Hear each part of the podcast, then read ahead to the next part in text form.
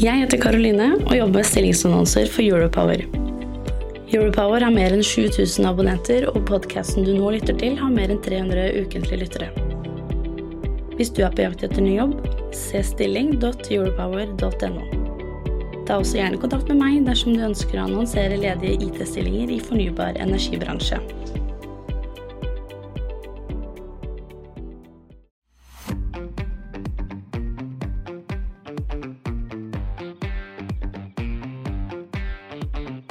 Hei og velkommen til Europowers strømmarkedet på tre minutter.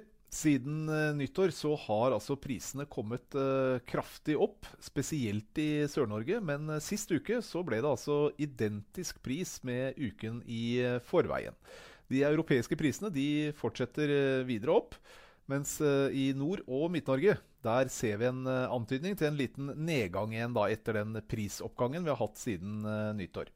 Denne uken så startet uken med ganske lave priser. Og skal vi se på hvordan produsentene har produsert eh, vannkraft i Sør-Norge, så kan det se ut som det faktisk var litt for lave priser. For der kunne vi se da på um, onsdag, altså fall det som var eh, prognosene til Nordpol på tirsdag, så skulle vi altså importere kraft på formiddagen og på, eh, sent på kveld. Og Det er litt kontrast i forhold til det vi så forrige uke, hvor det altså ble eksportert eh, nesten det systemet greide å tåle.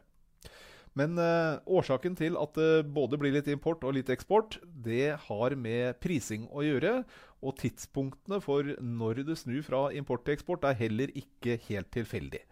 Så ser vi først på grafen for import og eksport, så ser vi det at det er sånn ca. fram til klokken åtte om morgenen er det import av kraft, og så begynner, eh, begynner Sør-Norge å eksportere kraft. Så går det tilbake til import på kvelden. Ser vi på prisen, så ser vi at det skjer omkring der hvor prisen passerer rundt eh, 105 øre kilowattimen. Så under 105 kilowattime, øre kilowattimen ønsker ikke produsentene å ha veldig høy produksjon. Så da kniper de igjen, og dermed så øh, holdes øh, strømmen altså tilbake i Norge. Prisene faller ikke like mye som i utlandet, og det gjør at vi får import altså på morgenen.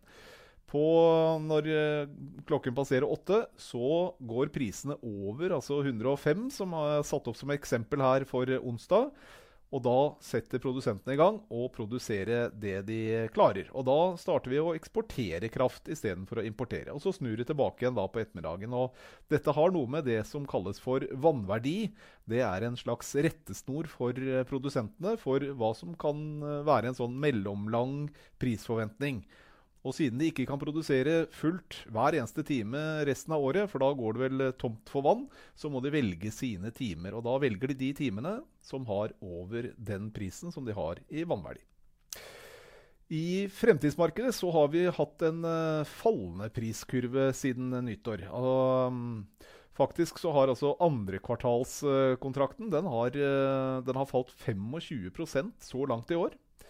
Mens på tirsdag denne uken så hadde vi en uh, litt uh, rar uh, bevegelse i prisen. Altså mange av kontraktene fremover i tid de hoppet et sted mellom 20 og 25% opp. Det var en kombinasjon av rask endring i værprognosene, samtidig som de tyske fremtidsprisene også hoppet opp. En av årsakene til at uh, værprognosene endret seg så raskt, det kan være et fenomen som kalles for plutselig stratosfærisk oppvarming, som Europower omtalte tidligere. Det har altså med en uh, hendelse i høyt over hodene våre som faktisk kan få da konsekvenser ned på bakken. Det kan danne et høytrykk som kan gi kaldt, vindstille og snøfattig vær. Og alle de tre tingene er jo med å trekke opp strømprisen. Så, men følg med på Europower, så ser vi hvordan det utvikler seg videre. Og takk for oppmerksomheten.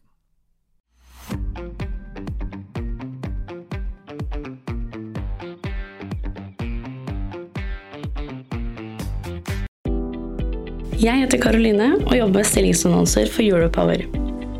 Europower har mer enn 7000 abonnenter, og podkasten du nå lytter til, har mer enn 300 ukentlige lyttere. Hvis du er på jakt etter ny jobb, se stilling.europower.no.